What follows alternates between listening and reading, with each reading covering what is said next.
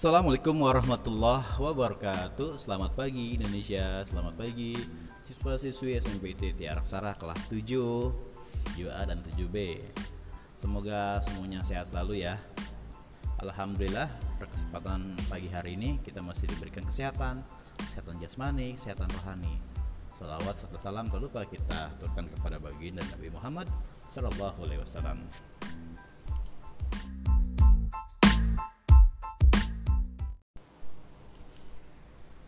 Baik anak-anakku sekalian, sebelum kita belajar, mari kita berdoa dulu ya. Bismillahirrahmanirrahim. Yuk kita baca doa bersama-sama. Bismillahirrahmanirrahim. Rabbi zidni ilman warzuhni fahma. Ya Allah, tambahkanlah ilmuku dan petinggilah kecerdasanku. Amin. Anak-anakku sekalian, materi kali ini ya, Paruli akan menjelaskan tentang aktivitas manusia dalam memenuhi kebutuhan. Ini ada di bab 1 ya. Jadi kompetisi dasarnya adalah 3.3 memahami konsep interaksi antar manusia dengan ruang sehingga menghasilkan berbagai kegiatan ekonomi. Perlahan mulai, yuk kita dengarkan bersama-sama. Ruang adalah tempat di permukaan bumi, baik secara keseluruhan maupun hanya sebagian, yang digunakan makhluk hidup untuk tinggal. Ruang juga dapat diartikan sebagai wadah dari semua aktivitas manusia, hewan, tumbuhan yang ada di permukaan bumi. Setiap ruang di permukaan bumi memiliki ciri khas tertentu yang berbeda antara suatu wilayah dengan wilayah yang lain. Tidak ada satu ruang pun yang mampu memenuhi seluruhnya kebutuhannya sendiri. Jadi semuanya tuh harus eh, apa tadi? Harus memenuhi kebutuhannya itu dengan orang lain juga. Jadi saling membutuhkan. Baik kita lanjut kelangkaan dan kebutuhan manusia. Nah, anak-anak sekalian, semuanya itu harus saling membutuhkan. Itu namanya sosial ya, bersifat sosial saling membutuhkan. Kelangkaan dan kebutuhan manusia. Kelangkaan sebagai permasalahan ekonomi yang pertama. Pengertian kelangkaan. Kelangkaan adalah suatu kondisi tidak tersedianya atau berkurangnya barang-barang ekonomi dibandingkan dengan jumlah kebutuhan manusia yang semakin meningkat Sepanjang sejarah, kehidupan manusia selalu dipenuhi dengan masalah-masalah untuk memenuhi kebutuhan hidup yang tidak ada habisnya. Masalah pemenuhan kebutuhan inilah yang disebut masalah ekonomi. Masalah ekonomi yang paling utama adalah pemenuhan kebutuhan yang bermacam-macam yang bersifat tidak terbatas padahal jumlah alat pemenuhan kebutuhan sangat terbatas jumlahnya baik berupa barang maupun jasa. Keterbatasan terhadap alat-alat kebutuhan manusia. Ada dua faktor utama penyebabnya.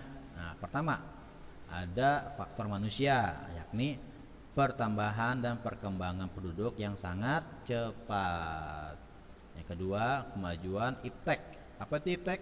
Iptek adalah ilmu pengetahuan dan teknologi. Yang ketiga, perubahan taraf hidup di mana manusia lebih bersifat konsumtif. Apa itu konsumtif? Pemakai konsumtif konsumen pemakai ya. Jadi konsumtif itu orang-orang yang sering pakai. Jadi apa apa pun itu jadi sukanya make make gitu. Jadi misal ada handphone baru pengen yang baru. Ada sesuatu yang baru pengen aja. Nah itu sifat konsumtif. Semakin berkembangnya sarana dan prasarana kehidupan. Lanjut. Faktor alam dan sumber daya alam.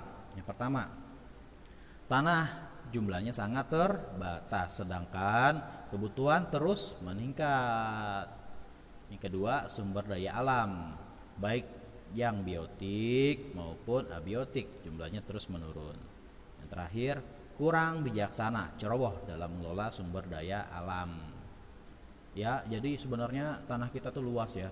Tapi lantaran banyaknya tempat-tempat yang dijadikan pemukiman, contohnya adalah misalnya ada banyak eh, ini apa namanya? Sawah ya. Sekarang sawah-sawah itu sudah banyak sekali yang sudah dijadikan pemukiman. Ada yang dijadikan ruko ada yang dijadikan perumahan ada yang dijadikan klaster dan sebagainya. Sehingga sumber daya alamnya semakin berkurang. Harusnya tadi kan dijadikan apa e, panen beras ya. Padi jadi beras buat masak buat keluarganya tapi seiring berkembangnya zaman habislah tempat-tempat tersebut jadikan pemukiman. Sehingga jumlah tan tanahnya tanah gitu ya sangat terbatas terutama di kota Tangerang. Rata-rata di sini sudah jadi ruko bangunan sebagainya ya. Selanjutnya upaya-upaya yang dilakukan manusia dalam mengatasi kelangkaan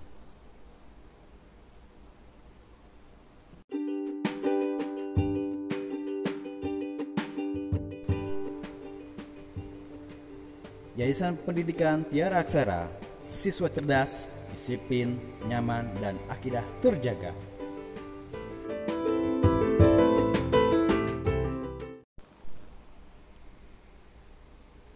Baik anak-anak kita lanjut materi Tadi kita bicara tentang upaya-upaya yang dilakukan manusia dalam mengatasi kelangkaan Kebutuhan hidup manusia tidak terbatas, beraneka ragam, dan berlangsung terus-menerus. Artinya, apabila suatu kebutuhan dapat dipenuhi, maka akan muncul kebutuhan yang lainnya.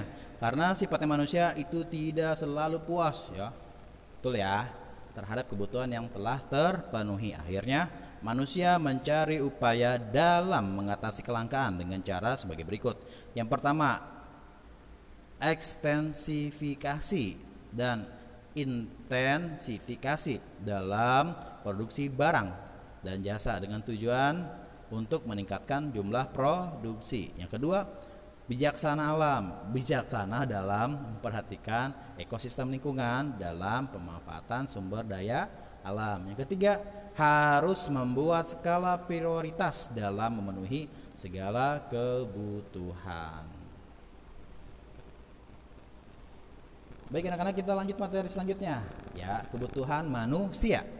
Kebutuhan manusia adalah keinginan manusia untuk mendapatkan barang atau jasa guna untuk keberlangsungan hidupnya. Yang pertama, faktor-faktor yang mempengaruhi kebutuhan manusia itu ada tingkat kemajuan peradaban. Semakin maju peradaban manusia, semakin berkembang pula kebutuhan. Peradaban yang lebih maju menyebabkan perkembangan kebutuhan manusia. Manusia membutuhkan makanan, yang lain dan alat transportasi untuk mempermudah perjalanannya. Seperti mobil kita butuh mobil untuk jalan-jalan. Mungkin kalau kalau, sekarang uh, mungkin tidak mungkin ya karena jalan-jalan di mana-mana di stop. Jalan-jalannya di ini aja ya jalan-jalan virtual. Oke lanjut. Lingkungan. Lingkungan mempengaruhi kebutuhan manusia. Kebutuhan penduduk pedesaan berbeda dengan penduduk perkotaan Selanjutnya ada pekerjaan. Orang yang berbeda pekerjaannya berbeda pula kebutuhannya. Setuju ya? Terutama menyangkut sarana dan prasarana yang menunjang pekerjaan. Selanjutnya ada adat istiadat atau tradisi juga banyak mempengaruhi dalam kebutuhan di Indonesia. Menjelang hari raya Idul Fitri, kebutuhan akan banyak makanan dan pakaian mengalami kenaikan. Karena adat Indonesia yang merayakan Idul Fitri secara besar-besaran dan mengenakan pakaian serba baru. Setuju ya? Wah biasanya gini nih kalau anak-anak misalnya mama mama mau lebaran ya? Wah pasti beli baju baru. Berjalan-jalan ya ke tanah abang ya. Terus yang dekat sini mungkin pasar jati harganya tadi cuma 50 ribu karena model fitri jadi 70 ribu. Nah itu sebenarnya sah-sah aja ya. Lanjut. Ada juga agama. Agama mengatur manusia dalam bertingkah laku berpakaian dan dalam pelaksanaan ibadahnya pakaian dan sarana ibadah masing-masing agama itu sangat berbeda. Yang terakhir, keadaan ekonomi. Semakin tinggi tingkat pendapatan seseorang, semakin beragam pula kebutuhan orang tersebut. Jadi kalau orang yang duitnya banyak, itu pasti ada aja. Ada orang punya duit 200 miliar. Wah, mantap ya, banyak banget ya. Mudah-mudahan ada yang dikasih nih. atau duitnya sampai 500 miliar ada satu triliun. Mereka kebutuhannya pasti akan banyak juga. Apakah dia mau beli ruko atau mau beli mobil lagi atau mau beli tanah lagi dan sebagainya. Itu pasti kebutuhannya semakin tinggi juga. Kalau orang tua kalian yang bekerjanya sebagai uh, di perusahaan pasti kebutuhannya kebutuhan rumah tangga juga. Jadi keadaan ekonomi juga itu mempengaruhi. Sampai sini perlu dirasa cukup untuk pertemuan di pagi hari ini.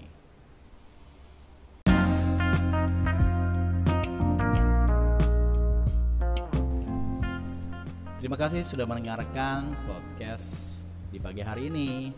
Semoga kalian tetap sehat selalu ya dan jangan lupa selalu apa yang 3M mencuci tangan, memakai masker, masker dan jaga jarak dan kalau perlu tambahin makan makanan yang bergizi. Kalau yang sakit silakan istirahat, jangan ke mana-mana. Oke, saya cukupkan dengan membaca hamdalah bersama-sama. Alhamdulillahirobbil alamin. Wabillahi taufiq walhidayah. Wassalamualaikum warahmatullahi wabarakatuh.